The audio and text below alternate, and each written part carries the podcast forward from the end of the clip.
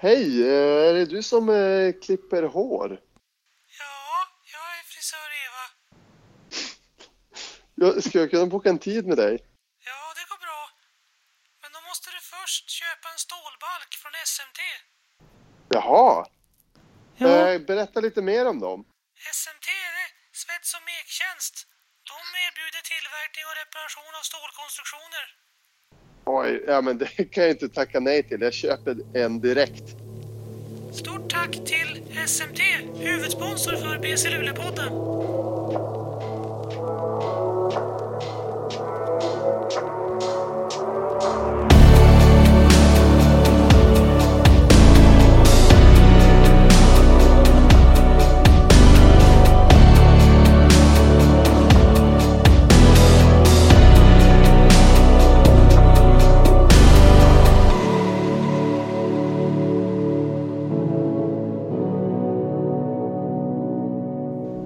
Ja, hallå där basketvänner! Och varmt välkomna ska ni vara till ett nytt avsnitt av BC Luleå-podden. Avsnitten står som spön i backen nu för tiden. Det var säkert en månad sedan sist. Och nu är vi tillbaks på banan igen. Och eh, dagen till ära så har jag med mig David Keso Nilsson, men också Nils Jörup, eh, live direkt från Malmö. Välkomna grabbar! Tack Max. Ja, vi börjar med dig då David, hur mår du? Du, du är hemma? Eh, ja, jag har varit hemma några dagar. Ehm, inte covid. Det har ju upphört att existera nu här i, i morse. Eh, I och med att det är onsdag den nionde idag. Men jag har varit kanske på gränsen till magsjuk kan vi säga, några dagar. Mm. Eh, trist att höra, jättetråkigt. Eh, Nisse då? Det var länge sedan sist. Berätta, hur leker livet? Jag skulle säga att det läcker bra. Ehm, det var ju faktiskt jag som, eh, som eh, hörde av mig till er idag. Att eh, jag känner mig snackig. Och att vi, det hade varit kul att prata med er. Exakt, jag instämmer. Jag vill, jag vill också säga det att David Keso Nilsson, för er som inte vet det, han är assisterande coach i Luleå Basket, nybliven ungdomslandslagscoach. Nils Jörup, han är stark man i IK EOS, spelar i Superettan och eh, även styrelsemedlem i EOS va? Och dessutom nybliven ungdomslandslagscoach även du. Ja, det stämmer alla tre. Ja, Jag vill klämma in här att Nils coach är faktiskt pojkar 06-lag också i oss, eller hur? korrekt. Stämmer också. Ja, jag har sett video på en match från förra helgen när de spelade USM, eller RM kanske det heter. Nej, det heter nog USM ändå för alla. Då var Nils jättearg. Ja, berätta lite mer. Ja, det hade gått- Men det, det är sånt som händer. Ja, berätta, berätta situationen David. Alltså jag är ganska insatt i det här för att jag fick en film som var kanske 30 sekunder lång. Så att jag, jag vet ju ungefär lika mycket som Nils i det här. Jag skulle säga att det hade gått ungefär fyra minuter av matchen. Det stod ungefär 9-6 eller något sånt där. Eh, och så kallar Nils en timeout och så är det du vet, några grabbar som så här går mot bänken. Och är det en sak Jampa har lärt oss, då är det att man inte går till bänken när det är timeout, utan man springer när det är timeout och byte. Så det börjar med att Nils skriker med att de ska springa och sen slänger han tavlan i backen. Och sen står han och skriker lite grann. Det är magiskt att se. Det är mycket bra innehåll. Härligt. Vad hade föranlett detta? Alltså, ligger man under med 9-6 så är det ju inte så mycket grejer man kan ta till. Det är i stort sett matchen körd om man lyssnar på Max Wiks logik. Ja. Eh, så jag, jag var tvungen att testa något. Sanningen är, jag, jag, ehm, jag kanske inte ska säga, men jag var inte så arg egentligen. Utan det var lite mer bara för att jag, jag gillar inte kroppsspråket och sådana där saker. Jag, jag blir sällan väldigt arg. ehm, om jag ska vara helt ärlig. ja men det är, det är Men- men viktigt det- att men kunna ta bra. till. Ja, det är bra att kunna sätta sen på sin highlight reel liksom. Kolla Ja. vad jag kan. David har ju också ett klassiskt ögonblick när han eh, sparkar in en stol. Just det. Va, va, va, det, var, det var kanske match i U19-serien eller U17-serien eller någonting i, i- här i Luleå. Och eh, vad var det som hände David? Domaren tog ett dåligt domslut och du, du, du ville slå ner honom. Ja, exakt. Det var division 2 Norrbotten om jag får be, inte U19. här. Ja. Eh, och så sen vi bytte på ett screen och var lite aggressiva och det kanske var foul. Vad vet jag? Men då kände jag att nu måste jag markera här att så här gör man inte. Och då sparkade jag i en stol och så råkade den välta och så gick jag och satte mig längst bort på bänken och grubblade. Teknisk foul. Jo, det är bra. Teknisk foul, det är typ min enda i karriären skulle jag... Alltså den enda jag vet på rak arm i alla fall. Hur rimmar det här med Luleå Baskets värdegrundsarbete?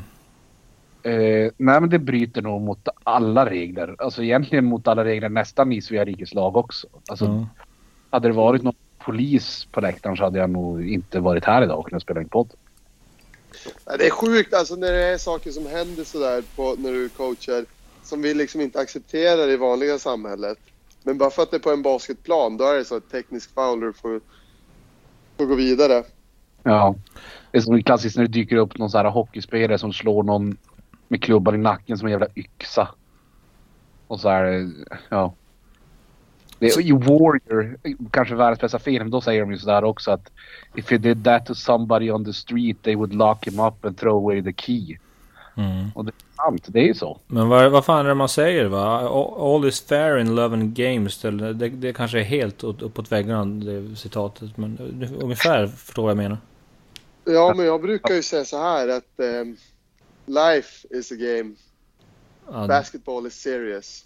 bra sagt. Ja, jävlar. Det är bra sagt. Wow. Nej men hörni. Nej men apropå, apropå alltså jag ska säga det nu när ni säger om allting, allting vi gör här. Så gör ju eh, jag också min, min debut som, som coach i Superettan tidigare i, i, under året. Just, Just det. Eh, det gick eh, inte så bra. Det slutade med att eh, Erkaninan gjorde 50 poäng i baken på oss. Mm. Vad- Vad, vad Det gjorde... var ju såklart det var såklart min taktik som, som eh, ställde till det. Eh, om, om man ska vara ärlig. Jag sa åt grabbarna, backa av, backa av. Man kan inte fortsätta så här. Det går inte. Ja, men det- den, den brukar funka. Ja, exakt. Jag ville se, jag ville se om vi kunde psyka ner honom på något sätt. Ja, Men det gick inte. exakt. Det, det var någon klassisk eh, taktik som Jens Tillman gjorde på Oloma Namaka någon gång way way back när Oloma Namaka var rookie i ligan och Tillman spelade i Plannja. Att han bara back, backade ba, långt bak stod han och skrek åt att han skulle skjuta. Det är en Ja, klassiker. men det, det, det kan funka. Ja, det funkade för Kobe i, i eh, NBA-finalerna där 2008, det var det när det nu kan ha varit, mot Rondo. När han ställde sig på straffkastlinjen och väntade. Ja, det är sant. Nej, då, han vägrade ju skjuta då. Ja.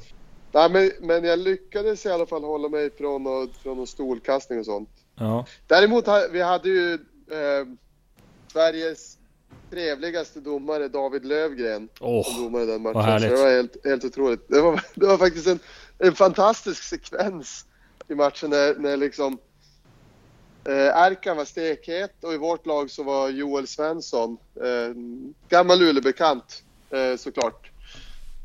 Eh, Superettans bästa gard. Han var också stekhet Mm. eh, åt andra sidan. Så sprang, varje gång David sprang förbi liksom, efter att de hade gjort poäng så var det som att han gjorde någon typ av så oj oj oj till, till mig då för att säga vilken grym match det här. Eh, det, var, det var faktiskt väldigt fint. Och så var det, det var någon gång när, när Joel satte någon, någon eh, trea då så kom, jo, eh, kom han ner eh, David joggade och så medan han sprang förbi mig så skrek han Det är som Jordan! Det är fan en underbar människa David Löfgren. Ja, verkligen. Vad härligt. Kul. Det är så man vill ha varje match. Ja, härlig story från verkligheten. Men eh, vad, vad gillar du att rita mycket? Du, du, kommer, vara, du kommer vara mycket setplay coach va? Hittar, hitt, drog du några setplays ur arslet som de aldrig hade sett förut som du bara hittade på på uppstuds eller? Jag testade, eh, men eh, det var några där när jag satte en, en trippelscreen som de inte, så den flög inte riktigt. Nej. Men nu måste jag fråga här också Nils. Spelar ni lilla? Ja, det är klart. Det gör väl alla lag med självrespekt. Ja. Okej, alltså hur, hur funkar det för er? Alltså jag har ju en teori om att på ungefär alla nivåer av basket i hela världen så får du en vidöppen tröja varje gång. Ja, eller en bra curl i alla fall. Ja, exakt. Eh, Eller, eller en attackmitten. Men Jag, håller jag det? kommer ihåg de här, eh, de här Boston Celtics vi ogillade så mycket sent eh, 2000-tal. De kö- brukade köra den för Ray Allen. Och han blev ju alltid fri. Ja, det kan jag verkligen tänka mig. Otroligt. Faktiskt. Ja. Sen, Så att Jag vill också säga Jackson så på här. andra sidan där var helt jävla utmanövrerad. Vad är det de gör för något? Vad i helvete! Ja, Den är lurig. otroligt. Eh, men eh, okej, okej, så du är set play coach. Kul att höra. Vi behöver fler sådana. Men jag vill fortsätta prata på det här. Ja, ja, ja. Fortsätt. Ja, vi, att du var redo att gå vidare. För att nu, blir det här en väldigt djup basketteoretisk diskussion. Men kommer du ihåg, sto, spelar ni stora också Nils? Eh, inte, inte Jampas stora. Nej, för att vet du, vilket, vet du vad jag har gjort som är ett jävla genidrag? Nej. Jag har döpt om stora till lilla igen. så att lilla är vanliga lilla och lilla igen är så att man springer åt andra hållet. Det är jävligt Men. David, David det- du får vara lite försiktig nu för även om ni har vunnit varje match med snitt 40 poäng här under säsongen så har ni faktiskt förlorat en match. Ja, men, Eh, om, om de vet att vad lilla igen är då, eh, Ja, då ja då är det kört. så att ni, då, är- då, då börjar säsongen se lite svettigare ut. Innan, innan alla eh, stackars människor som lyssnar på det här avsnittet stänger av för att de inte fattar någonting av vad vi pratar om så kan vi säga då att det här är inkastspel som, eh, som vi fick lära oss som eh, 14-åringar. Något Ja. sånt. Eh, som vi pratar om som heter lilla och stora. Så att lite kontext kan ju vara bra. Ja, men det är inte alltid det behövs. Nej, men eh, Nej. alltså jag, jag skulle väl säga Max, för att komma tillbaka, det här med rita upp saker. Ja, visst. Men, eh, jag, men i min värld handlar coacha mer, det handlar mer om vibes. Eh, att, att, ge, att ge vibes till killarna. Det, det, är det jag läste om Steve Nash när han tog över Brooklyn Nets. Så jag anammar det fullt ut faktiskt. Ja, men de säger, det sägs att coaching på elitnivå det är managing people. Det är det det handlar om framförallt. Mm, Och det, och, eller vibes då. exakt. Ja. Ja, otroligt. Otroligt. Ehm, men David, har ni kört den i ligan? eh, Inkast, vårt inkastspel från, från, som vi lärde oss när vi var små? Eh, nej, det är ju alltså, alltså jag tror att jag tjatar ganska mycket på, på olika saker men det är en sån där grej som jag har tjatat på headcoach Robin Sandberg kanske.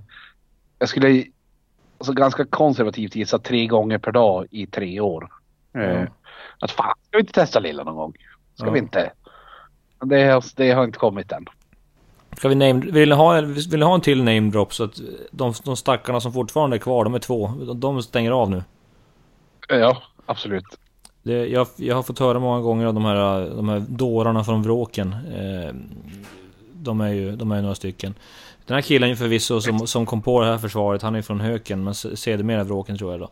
Fredrik Röger. Han, eh, han, ni, ni, har, ni har båda träffat honom tror jag. Han, han eh, har väl kommit på någon försvarstaktik som heter staketet. Där man ställer fem på rad. Oh, den är stökig. Den kan, Ja. eh, den kan vara något att slänga in. eh, eh, Det skulle ju verkligen ställa motståndarna. Jo. Ja, men ställ dem på, ställ, ställ dem på halvplan fem stycken på rad bara. Ja, då blir det psykning. offside om de försöker passa över. Det är det som är luriga liksom. Ja. Alltså, Hur, hur löser du den knuten? ja, men det går inte. Jag vet inte. Nej, Men man ska komma ihåg att det, när det är bråkare som har kommit på det, då är det inte alltid att det är så skarpt. nej, sant. Jag- det var ett, någon gång jag spelade och de hade ställde bara tre killar i försvar och så var det två som satt på läktaren och kollade på. Ja, det där är det dumt. gick inte alls. Nej, dumt. Nej, Ja, men hörni, det nu är, vi fär, nu, nu är vi färdiga med det här. Jag bestämmer det. Och så säger vi så här då. En sak till. En sak till. Ja, En sak till. Och det var, alltså, du gav ju oss väldigt fina introduktioner Max. Men du glömde ju att säga att du själv har ju faktiskt i helgen som har gått nu vunnit VM i abstrakt konst i paint. ja det stämmer. Och det är ju ganska kul. Ja, ja visst. Ja, det är ju jävla härligt. Ja, det, det pratas väl lite om, om det, men kul att, kul att du uppmärksammar det. Varsågod. Ja, tack. Eh, nu går vi vidare och jag vill säga det. Berätta lite mer med det här landslagsuppdrag ni har. Eh, Nisse på, på eh, killsidan och, och David på tjejsidan väl? David, börja du. Oj. Jag, jag säger bara, it's been a long time coming. Jag har ju drivit den här kampanjen på Twitter i fan är fyra år. Ja, alltså du, du... Skulle jag gissa så är du den största orsaken till att det här har hänt. Tack. Eh, alltså, du har varit väldigt drivande i frågan. Eh, det är väl få i svensk basket som har missat eh, den här kampanjen liksom. Men eh, det stämmer tjejsidan U18-landslaget eh, Mm. tillsammans med Madi Madi från Uppsala och Selma Delibasic som i Högsbo nu och En- Elin Forsberg i Vätterbygden. Ja, kul David. Det var, var roligt att, att vi ska få både fler eh, coacher och eh, f- spelare från Luleå i, i truppen förutsätter jag. Eh, ja, så... aj, ja, så kommer det bli. Mm. Ja. Det, kan vi, det behöver vi inte sticka under stol med. Nej, nej. Och Nisse, Nisse, du då? Ja, jag är ju på, på herrar U15. Alltså det är första, då för de som inte vet det, men det tror jag att de, de flesta gör, det är ju första eh, steget in i landslagsverksamheten för, för spelare när man är U15. Så det är eh, lite annorlunda från det David gör, för nu är det ga- ganska mycket så här bara kolla, kolla vad som finns runt om i Sverige. Mm. Och, och, sen, och sen när ni väl samlar dem, då, då har du med din playbook och så är det bara set plays i tre dagar. Jajamän. Ja, Ser vi vilka som kan snappa upp det snabbast och det är det som är mitt gäng. ja de är med. De är med. Ja, fan det där är... Det där, jag har sån jävla respekt för dig när du säger det. Ja, men det- det är alltså... Man, man ska inte vara rädd för att ta ut ett gäng eh, killar som är knappt 1,80 men, eh, men som har ett eh, sweet midrange game och kan ta till sig setplay snabbt. Ja, ja, det där, det där... Ah, det där är sweet music for my ears. Ja, Ja, nej men eh, vem trodde det hörni, för, för 15 år sedan att, att vi skulle ha två stycken eh, landslagscoacher eh, från, från samma årgång i Höken? Det, vem har trott? ja dessutom en, en eh, kommunikatör från samma gäng. Det är ju så, nästan så att man blir tårögd att tänka på det. Ja, ja, det är otroligt faktiskt. Hörni, nu, nu har vi, nu har vi eh, basked in our own glow, eller vad säger man? Glow in our bask, är det tvärtom? Bask in our glow. Så, ja. Bas, Bask in our own glow för, för alldeles för länge här. Vi- Jag tycker vi ska börja prata basket på riktigt. Och eh, vi kan väl börja där vi lovade att ta vid vid förra poddens slut David. Eh, och, det, och då teasade jag ju med Jonas Jerebko. Just det. Ja, det, det har ju gått, eh, det har ju förvisso gått några månader sedan det, det läckte ut i media att eh, Jonas Jerebko överväger spel i, i Sverige inom kort. Kanske redan nästa säsong. Och eh, de två lagen han nämnde som var aktuella var ju Borås Basket och BC Luleå. David Keso Nilsson, du som är mitt i basketmyllan, Norrbottens basketmylla. Vad skulle det betyda för Luleå, Norrbotten, Sverige om Jonas Jerebko kom hem? Eh, nej men det, det är väl en klassisk sån där grej som inte går att överskatta riktigt så här effekten det skulle ha på, på svensk basket. Alltså, jag ska säga bara hela grejen att han skulle komma till ligan oavsett om det är till, till Luleå eller något annat, något annat lag hade ju varit svinhäftigt. Eh, och sen är det klart att det hade gett den lokala basketen en, en enorm skjuts.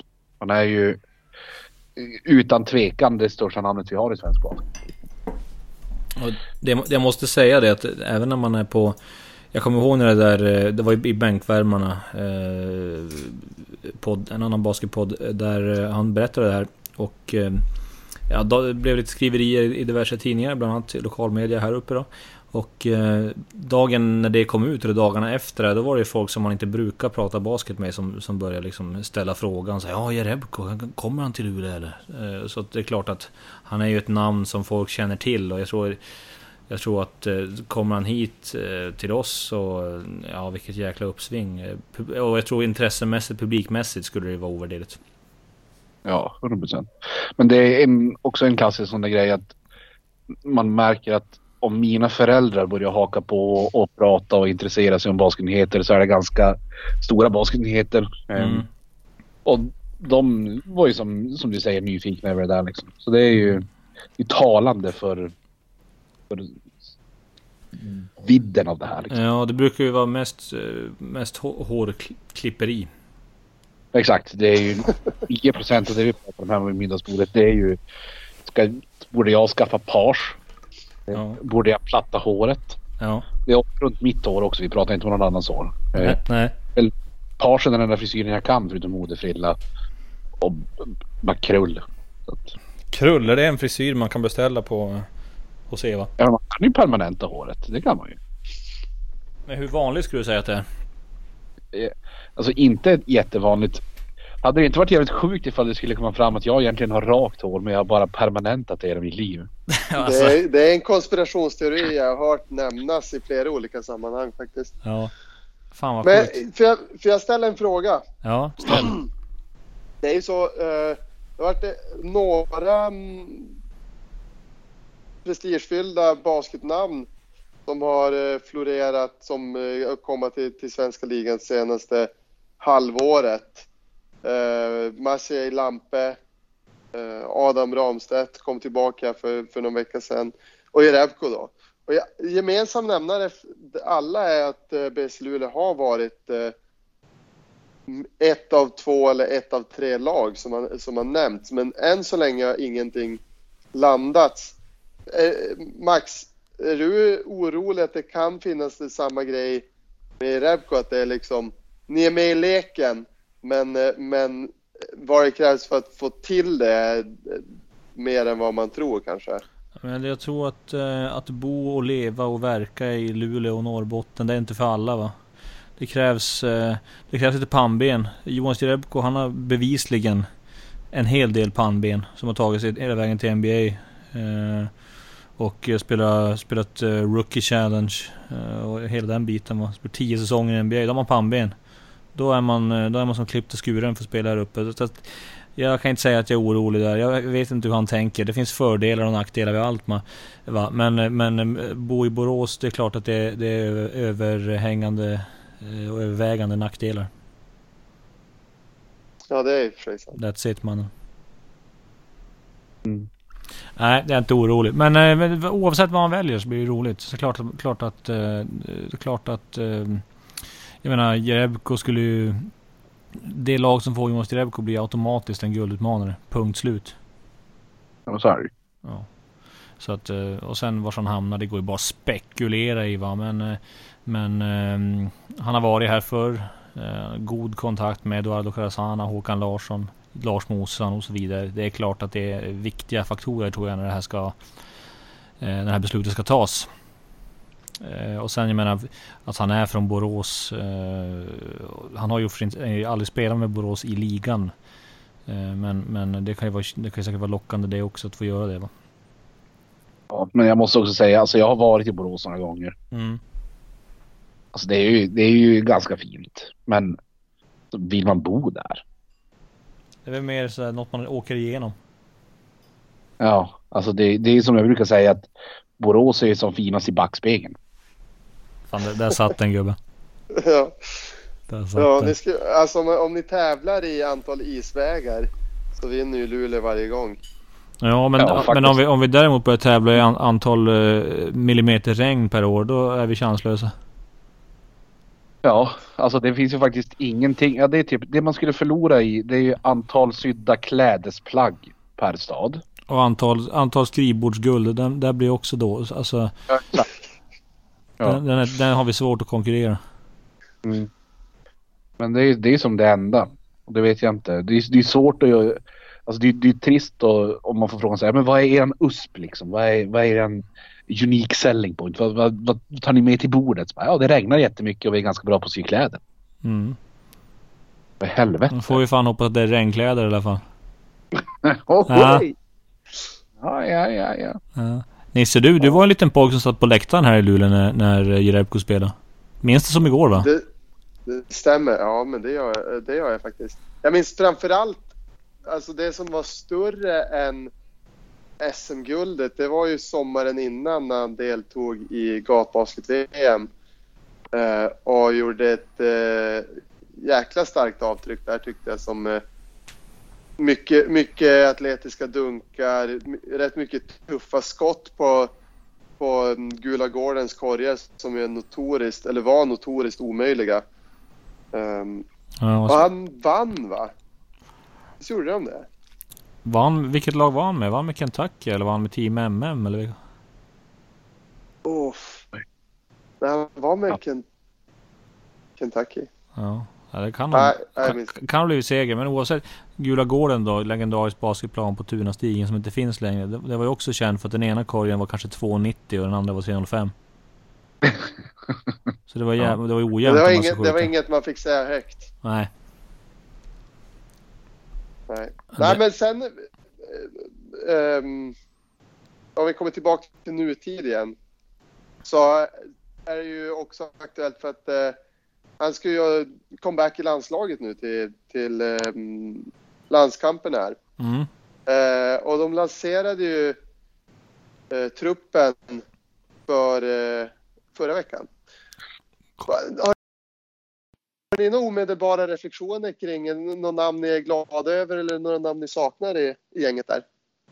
Okej. Eh, jag kan ju att det kanske är en viss Luleåson man hade velat se med där. Eh, jag vet inte, men, men eh, alltså, så, som, som alltid, mina åsikter är ju mer så här eh, att det, det kanske är vissa som man är mer tveksamma till som är där än, än sådana som är utanför som skulle, som skulle ha varit där. Så, så det kanske inte är rätt forum att gå in på det men eh, vad, tänk, tänker du någonting Nils liksom? Nej, men det är ju, det är ju ett gäng som har, eh, ett, en kärntrupp som har spelat ihop sig rätt ordentligt senaste tre, fyra åren. Eh, och hade ju, de hade ju i och för sig med Jerebko där mot, eh, mot Turkiet, men att, att få se liksom, eh, se kärnan här. Alex Lindqvist och Chris Serapovic och Ludde Håkansson liksom, som alla har lyft sitt spel eh, år efter år i ja, senaste fem åren. Och så som injicerar man det med, med alla de saker som eh, Jerebko gör. Um, det är väl typ det som jag ser fram emot mest. Det, det kommer mycket vind i ryggen från hela vinsten mot Finland och få, få sätta sig tillbaka på kronan här i, i, i sätta, ta tillbaka kronan i Norden. Mm. Alltså det är klart att eh, jag tror att alla som någonsin rört en basketboll, sett en basketmatch, eh, ser att Adam Rönnqvist borde vara med i, i den truppen. Och jag tror att han och han och Jerebko, det hade, det- hade slagit gnistor om den, eh, om, om den eh, dynamiska duon. Jag tror det. Jag tror det. Jag är ganska säker. Ja, Jerebko var ju uppe här i somras. Pratade mycket gott om Adam då. Mycket gott. Ja. Det är svårt att, svårt att argumentera med. Han är, jag ser ibland ehm, de, de highlights som, som... Det är väl kanske du som klipper ihop dem Max. Och det är ju... Just det skyttet liksom är... Ehm, det är det som kan verkligen att påverka ett försvar på, på sätt som inte bara är poäng. Utan det, det, det kan sprida en slags rädsla i försvar eller ehm, i ett försvar att behöva möta en sån spelare, överkompensation och det är sådana saker som, som ibland kan behövas för att vända matcher. Eh, sen så är det ju såklart att Adam dribblar ju för högt. Han har ju för hög studs. Eh, så att eh, det hade, Ja, där hade det fått begränsas lite. Alltså, här nu, alltså jag, jag kan ju säga så här, jag hakar på ämnet här också. Alltså, eh, jag har ju alltid tyckt att i, i, framförallt i landslag när det handlar om så här en eller två matcher så vill du som spelare, el, framförallt spelare 11 och 12, alltså kommer ju som till i ganska hög sannolikhet inte kliva in och spela 10 minuter. Men du vill att de ska kunna göra någon liten del av spelet bra. Det tydligaste är väl att du vill att det ska vara en superskytt eller du vill att det ska vara typ en monsterförsvarare. Och man kanske inte kan anklaga herr Rönnqvist för att vara en monsterförsvarare men samtidigt är det så här, ja, men möter du en zon eller du, ingen har dragit i en trea på, på 14 minuter, ja men då kan du i alla fall testa byta in dem i två minuter och se vad som händer. Den, den tycker jag alltid finns där. Men om vi går tillbaka till Jerebko så känns det som att han passar ju så jävla bra in, som ni säger, med den här äh, kärntruppen av Serapovic och alla de där grabbarna. Alltså, det kan ju vara ett riktigt härjigt landslag med så här massa halvlånga spelare, rörliga skyttar. Alltså, ett riktigt ett jävla roligt landslag att titta på. Alltså, det går ju att göra riktigt roliga femmor med, med Jerebko med i spelet. Liksom. Jag tror även, eh, om jag inte minns helt fel från, från eh, bub, matcherna i bubblan eh, för drygt ett år sedan där. Då väl Adam var med. Då, jag tyckte jag tyckte att Jerebko och Birgander började hitta, på slutet där så, såg man ett ganska fint samspel mellan, mellan de två, när de hade de två som, som någon form av fyra och femma, fyra och femma där. Och, Verkligen. Han är väldigt lätt att spela med. Ja, det, han är nog, det är nog. Ja, nej men det, det tycker jag alltså, riktigt, alltså det har ju potential att bli ett, ett riktigt roligt landslag. Vilket är superkul. Mm, mm. Ja, nej men eh, absolut. Och jag, jag skulle, jag skulle väl ljuga om jag påstår att jag har järnkoll på Kroatiens trupp. ja, nej. Så den Det behöver, inte- den, den behöver inte gå in på desto närmare. Nej. Däremot så tycker jag det var alldeles för länge sedan. Vi, har sett för få naturaliserade svenskar i landslaget. Det, det gillar ju jag. Det är något jag brinner för. Ja, och det där är ju en sån här grej som man har tänkt på länge. Att, alltså, framförallt Jerebko har ju varit, han har ju spelat länge och varit runt mycket i, i både NBA och Europa och spelat med coola spelare så här. Borde inte han känna någon skön amerikan som bara fan, jag vill ändå spela för något landslag. Sverige verkar ganska sköna. Jag gillar Jonas. Mm. Kan inte jag spela i ert landslag? Jag tror Rodney Stuckey hade kunnat vara med där kanske. Klockrent. Alltså, han har ju varit, han har varit, han har varit typ i, i Båstad och spelat volleyboll med Jerebko i någon turnering. Ja, och spela inside mot en mot Håkan Larsson. Exakt. Och enligt, enligt, mot- enligt, enligt motfrågan- rykten. Vad är motfrågan? In, in, Spelar- men vad fan, pratar du mun på mig? Helvete! Ja, men vad fan. Jag måste få ställa en fråga. Ja men ställ Alltså, spelar Rodney Stuckey basket fortfarande? Nej men det, det tycker jag är sekundärt. Ja, exakt. Det är ju namnet man vill ha. Ja. Alltså, publiciteten. Jag vet du nu, men som sagt var insider mot en. Ja, Hockey, Hockey Larsson efter karriären, insider mot en mot Rodney Stuckey i Båstad. Han vann tydligen. det är hela mitt. Då, Ja. då, då spelade ändå Rodney Stuckey i NBA. Ja, exakt. Ja, Det är Ja. ändå sjukt. Jag, och jag har faktiskt mött Jonte Arvidsson i insider mot en 2000 Säsongen 17-18. Jag vann också. Ja, det, det kommer jag ihåg. Jag såg det. Ja, Det var hyfsat enkelt. ja. Så, Where's the tape? Ja, men det, var, det är det de brukar säga. Men, men eh, eh, Craft som, som numera, eller Spalding som då var, var sponsor för BC Luleå, de, de eh, såg till att de där, den där videon togs bort från internet. Det var som när, när Jordan Crawford dunkade på LeBron på hans camp eller vad det nu var. Och Nike gick in, Nike gick in och, och raderade den från internet. Ja, för det är ju möjligt att göra. Ja.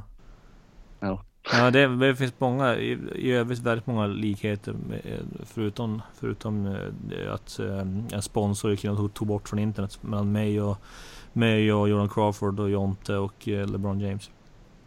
Ja. Nej, men med det sagt, det, är ju lite knepigare kanske att få, att få svenskt medborgarskap än vad det är i många, en del andra länder har, har lite kortare processer för det. Kan man, det är ju snart val. Ja.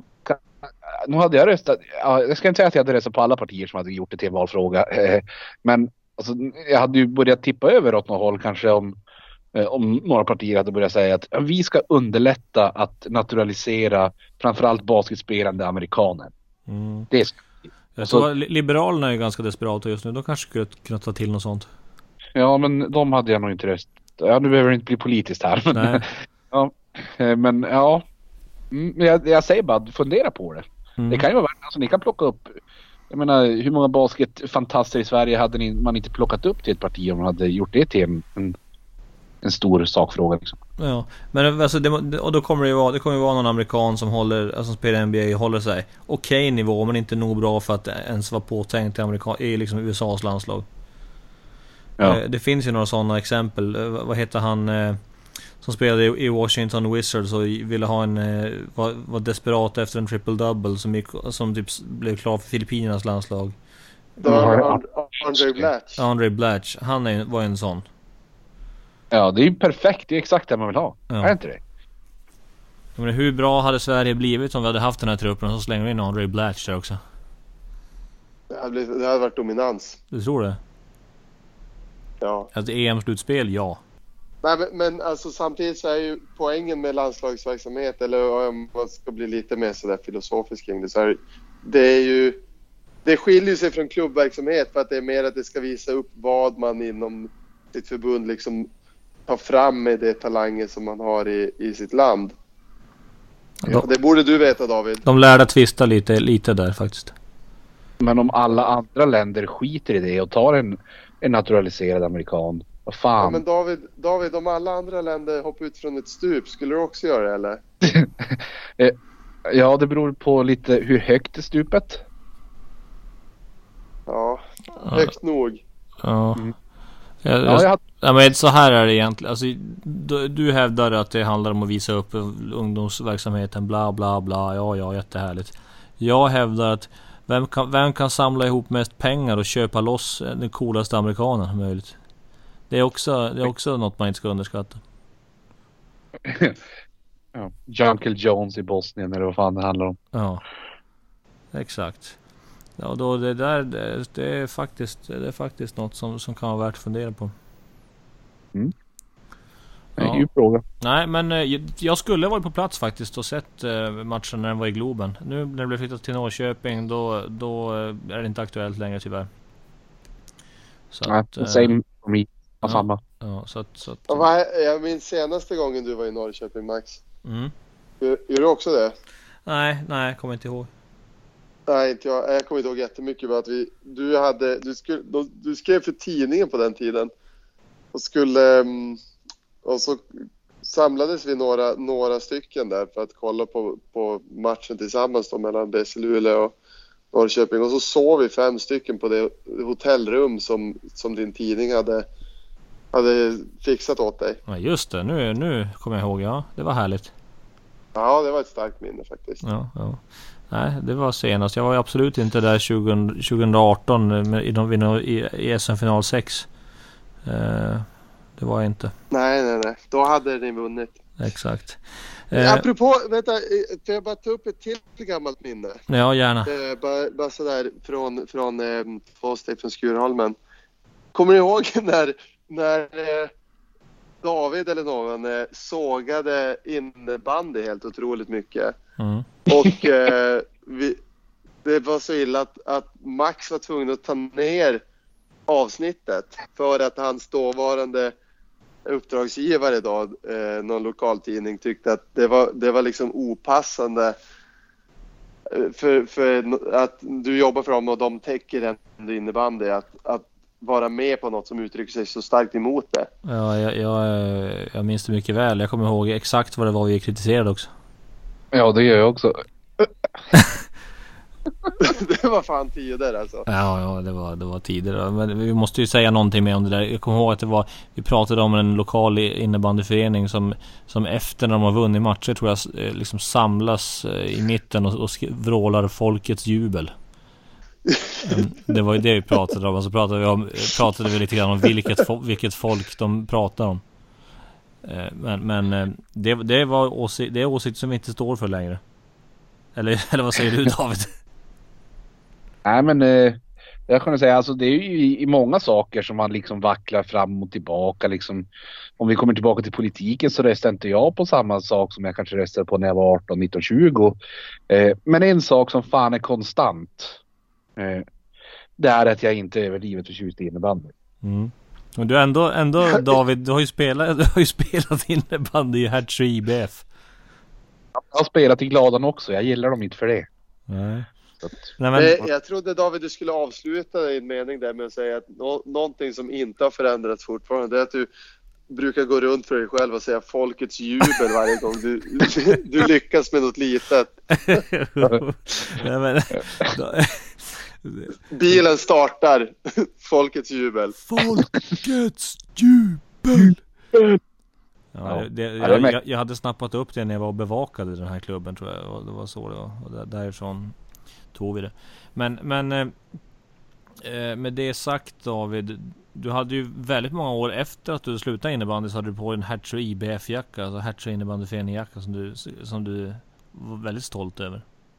var det här verkligen väldigt många år efter det? Ja, fram till någon, något, något år efter gymnasiet. Ja, ja jag är skeptisk. Alltså jag det. Men den var väl lagom varm och skön. Du vet, det är svårt att hitta. Alltså, det är svårt att hitta bra vinterkläder här uppe. Det, antingen så är det för varmt eller så är det för kallt. Det var väl, det var, det var väl en vindjacka anpassad för höst och vår? Ja exakt. Och då, det, det är ju lämpligt för mig. Men den var lite, alltså, den var lite fodrad. Ja, Vilket ju var perfekt. För nu har jag ju bara på mig en kofta hela vintern. ja. Alltså jag har inte haft på mig alltså, en jacka en enda gång i år. Existerar, existerar ens Hertz och IBF som förening nu? Jag vet faktiskt inte. Det skulle vara lite sorgligt om de inte gjorde det. Ja, det? det känns inte som det. Jag kan inte säga att jag har jättebra koll på den lokala eh, innebandyn. Nej, det, Ja, vi jag får vet ju- att Hertz är basket tekniskt. Vi, vi, vi har en uppföljning på det här nästa vecka. Vad hände egentligen och IBF? Nästa, ve- nästa Riktigt avsnitt. gräv. Ja men de hade, alltså det, det man kan säga om Hertz och IBF, säg vad du vill om innebandy, säg vad du vill om Hertz och IBF. Eh, och att David hade på sig en sån jacka i, långt efter gymnasiet. Eh, som man, jag författar fan inte hur det hur det Men hade du inte på dig den eh, tidigare i vinter? När, ja, när du var Men det- på, visst hade han det? Jag tror det. Ja. Ja. Fattar inte, Ja. det var- när kan du ha fått den där, när du gick på mellanstadiet? Ja, och den passar fortfarande. Det är ju sjukt. helt, det är helt otroligt. Ja, jag fattar inte heller. Ja, skitsamma. Eh, De, de var ju tidiga inom det där med, med eh, vad heter det, straffslag eller vad fan heter det i, i innebandy? Kanske psyk- psykologisk krigsföring. Ja, skulle de, jag kalla exakt. det. Varia, varianter jobbar de mycket med på fasta situationer. Men är inte det lite innebandyns variant av att bara hålla på med set plays? Att, alltså, men vad var det de gjorde? Ni stä- ni ställa er ner och skälla som hundar. Till exempel. Ja, Och men så- alltså, Ja. Men det här var inte... Jag var inte jävla bra. Hur fan, hur fan kunde du sänka dig så här lågt? Vi- Säg att man hade ett frislag uppe. Ibland så var det tre par som hoppade bock över varandra. Så här på, på, sida, alltså på svaga sidan om man använder baskettermer liksom. Ja. Och så hoppades man att målvakten skulle sluta titta på han som skulle skjuta frislag och titta på den som hoppade bock istället. Funkade det ofta? det, eh, alltså det har jag fan inget minne av. Jag ska ju vara supertydlig med att alltså, 95% av mitt liv är en jävla dimma. Jag kommer knappt ihåg någonting från Alltså någonting. Ja. Eh, Eh, så jag, Var jag, det vet, ofta... jag vågar inte svara. Ja, men det, var det ofta du fick du slå straff, alltså fick du slå straffen eller straffslag eller fan det heter eller hoppade du bock eller vad gjorde du? Ja, men Alltså det, det där var väl ett ganska bra sätt på att eliminera också tre, alltså sådana här, okej, vi har en som kan skjuta hårt. Mm. Ja, han får skjuta hårt. Och sen de här tre som inte kan göra någonting förmodligen med, med boll och klubba och grejer. Ja. Eh, även i världens enklaste idrott innebandy. De får hoppa bock på varandra. Mm. Liksom. Ja, så det kan jag väl tänka mig är ett ganska bra sätt att liksom, ja men ni bidrar ändå till, till hela det här. Alltså, tro på du har, en du har en viktig roll i laget. Du är fan bäst i laget på att hoppa bock David. Du måste hoppa bock. Ja men vem fan skulle annars göra det? Ja men jag tror inte alltid att specialkompetenser nödvändigtvis utnyttjas eh, till max. Jag vet att den kille som ni spelade fotboll med, inga namn nämnda. Han eh, sköt så hårt. han sköt så hårt så att... jag, jag tänkte exakt på det här tidigare faktiskt. Ja. Alltså, en minut sedan. Ja. Men, han sköt så hårt så att han, om han sköt en, en vanlig fotboll eh, men, eh, Alltså och så fick han, fick han sned, eller så här, missade lite grann och råkade åka in i en balkong. Då blev den helt jävla bunkrad balkongen.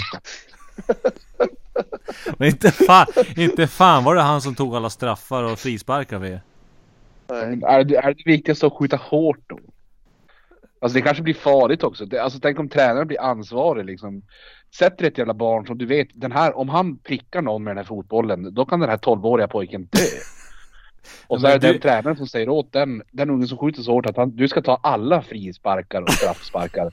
Det hade ju varit säkert tio ungar per år hade ju säkert För dött. att det skjuts hårt. Och då har han det på samvetet. du, du sa alldeles precis nyss här dock att folk som skjuter hårt i innebandy skulle ta straffslag. Så att det var, där, var det jag byggde Ja. vidare på. Går du emot dig själv David? Ja. Ja, men det gör jag ganska ofta. Det är väl fan Men- ingen skräll. Men apropå sådana här eh, setplays då innebandy så ska, har jag mycket minnen från när man var 10 eller 12 och hörde äldre spelare prata om, om sina alltså basketmatcher.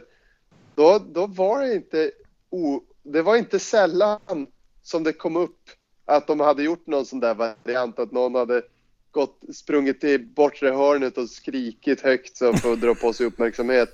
Jag trodde ärligt att det, det var en mycket större del av... Jag trodde det skulle vara en mycket större del av mitt, mitt basketliv. Att hitta Ja. på konstiga, konstiga varianter. Eh, men jag, jag har faktiskt inte gjort det än. Men har du testat? Du har ju varit coach i Superettan ändå. Ja, eh, det är väl det som hade kunnat vända matchen om, om jag hade exekverat något bra där. Ja, men alltså den här att ställa sig och skri skrika allt de har i ett hörn. Det, det, att de skulle bli fruktansvärt förvånade. De skulle tro, "Va, nu, nu tappar han det den här killen. Om, när, när, när någon ställer sig på alla fyra och skäller som en hund, då tänker man ju bara jaha, ja ja. Det, det är ingen, det, det, man vågar inte ens tro att någon är så knäpp så att de gör det på riktigt. Ja. Men, Alltså det svåra det, för det, kom, det kommer ju aldrig kunna funka mer än en gång per match. Va? nej. Det kommer inte bli så att den, den femtonde gången någon som skriker i hörnet så tittar alla fem igen ner på killen i hörnet. Och så får du göra en free. Så, att, så att du, har, du, har du tur då får du två poäng på av det här på en match. Men det är det som gör en riktigt duktig coach. Någon som kan, någon som kan ha så vitt skilda sådana här varianter. Så att, så att det blir alltid, det känns, det blir alltid en chock för motståndaren. Ena gången skäll, står och skriker och andra gången så, så eh, inte vet jag, då står du och viskar kanske.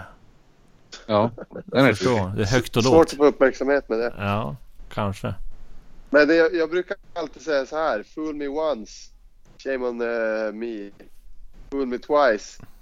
Shame on, shame on me också. Jag har aldrig riktigt fattat det där ordspråket. Men Fool me inte alltid- once, shame, shame on you. Fool me twice, shame on me. Men för att då, då är det ju elakt att bara lura. Alltså det, det var ju bara odrägligt. Men om jag blir lurad en gång till, då får jag skylla mig själv. Ja, exakt. Men det Men har, man, för, att- för att bli lurad två gånger måste man ju blivit lurad en gång. har, har, ni, har, ni hört, har ni hört när, eh, när George Bush pratar om det? Nej. Nej. Nej, Klassiskt ögonblick. Han försöker återberätta sägningen Fool me once men han klarar inte av att ta den i mål riktigt. Eh, vi kan, Tennessee, I know it's in Texas, probably in Tennessee, that says, fool me once. Shame on. Shame on you. You fool me, we can't get fooled again.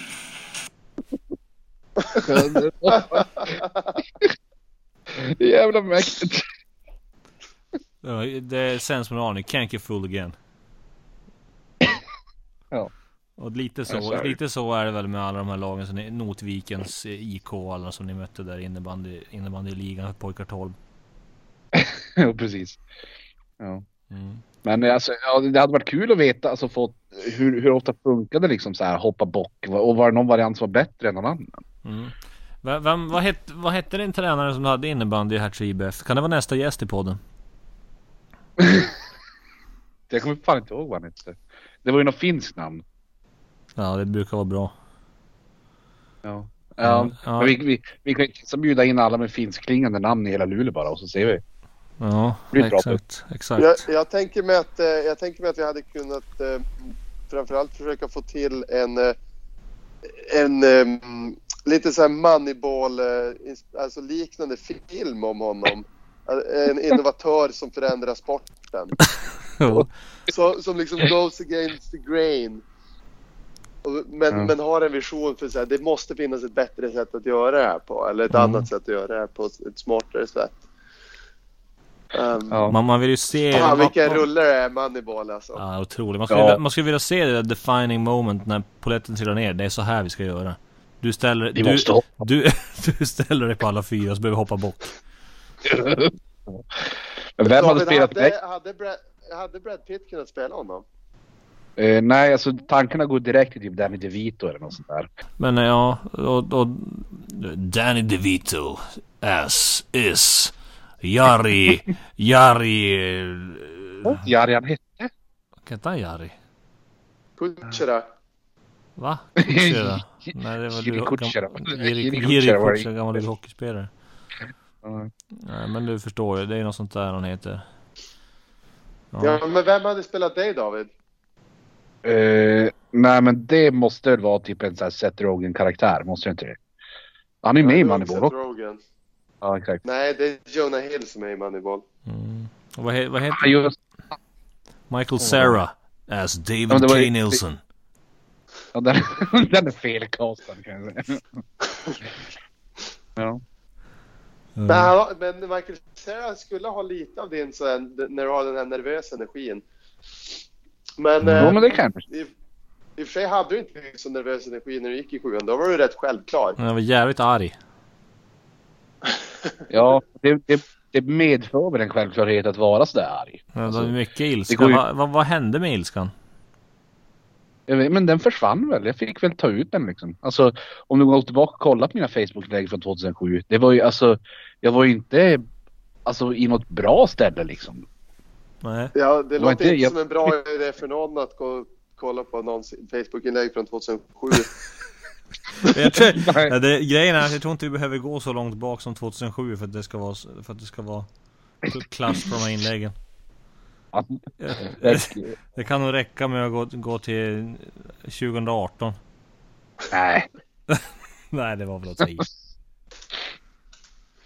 Ja. Nej, jag, men- jag Ja, men- menar såklart inte att du har något, något dåraktigheter liksom. Eh, sånt där som, eh, som du ångrar. Men det är väl mer att ditt perspektiv är väl kanske inte så intressant från när du var eh, 16 år gammal. Eller var väl lite utvecklat skulle jag säga. Mm. Det är ju väldigt sällan det. Alltså, man, hur många vettiga 16-åriga killar har ni träffat? Ja, många men... Jag men träffar 25 varje dag David. Oj, fan vad Det, fint. alltså, det, är där, det är där man går hem varje dag och tänker, är det jag som lär dem eller är det de som lär mig? Exakt.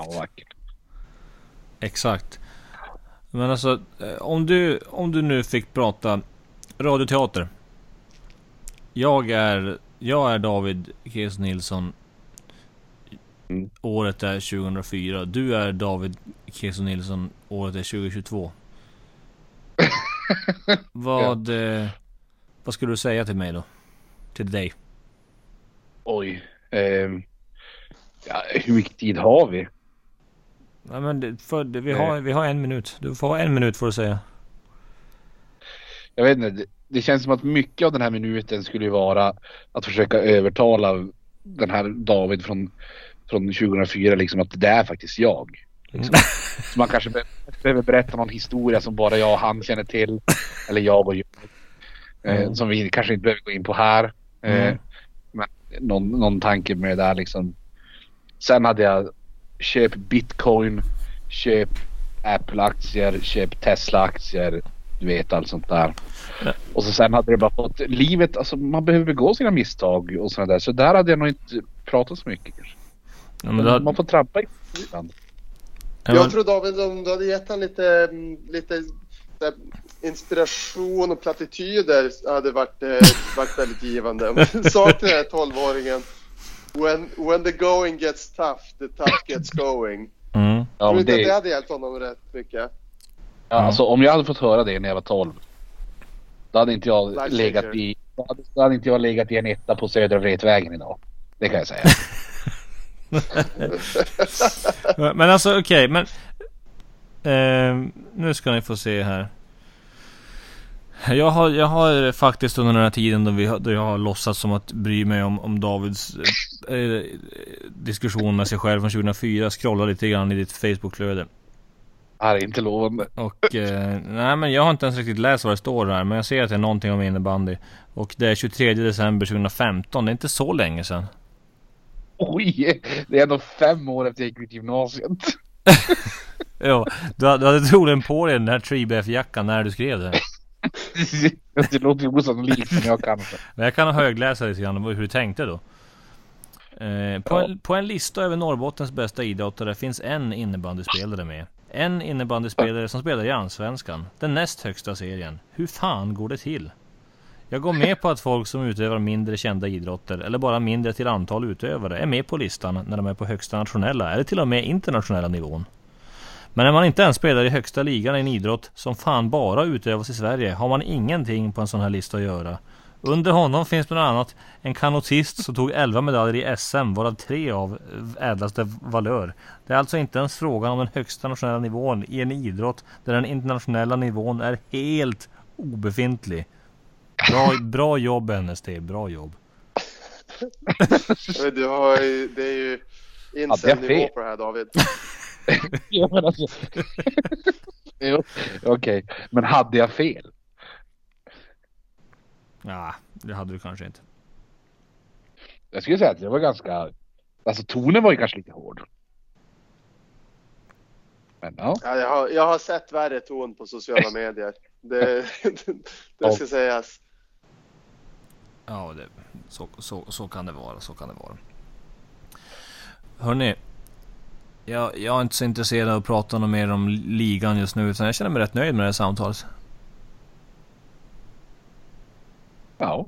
Vad säger ni? Har ni något ni vill tillägga? För jag, jag har tänkt gå till soffan och äta lite brownies.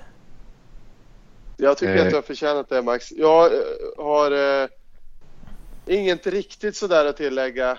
Eh, förutom att det är så sjukt kul att prata med er varje gång.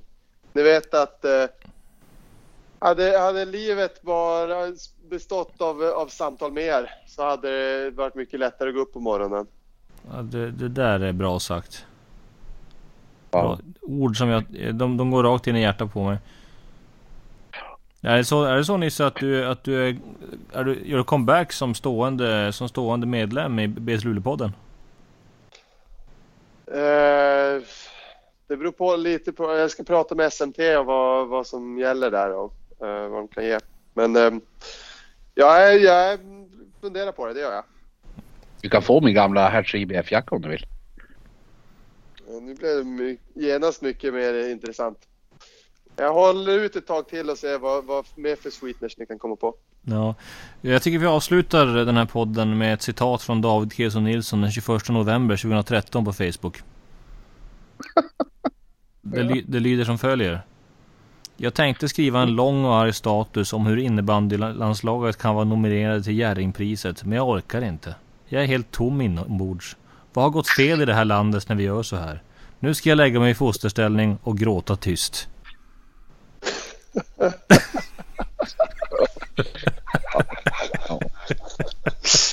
Nej, har ju har vi. Ja. Så är det. Det kan man inte säga någonting om. Stort tack till er grabbar, kul att få prata med er igen. Och ett jättestort tack till vår huvudsponsor SMT som möjliggör Sveriges spretigaste basketpodd. Vi säger på återhörande.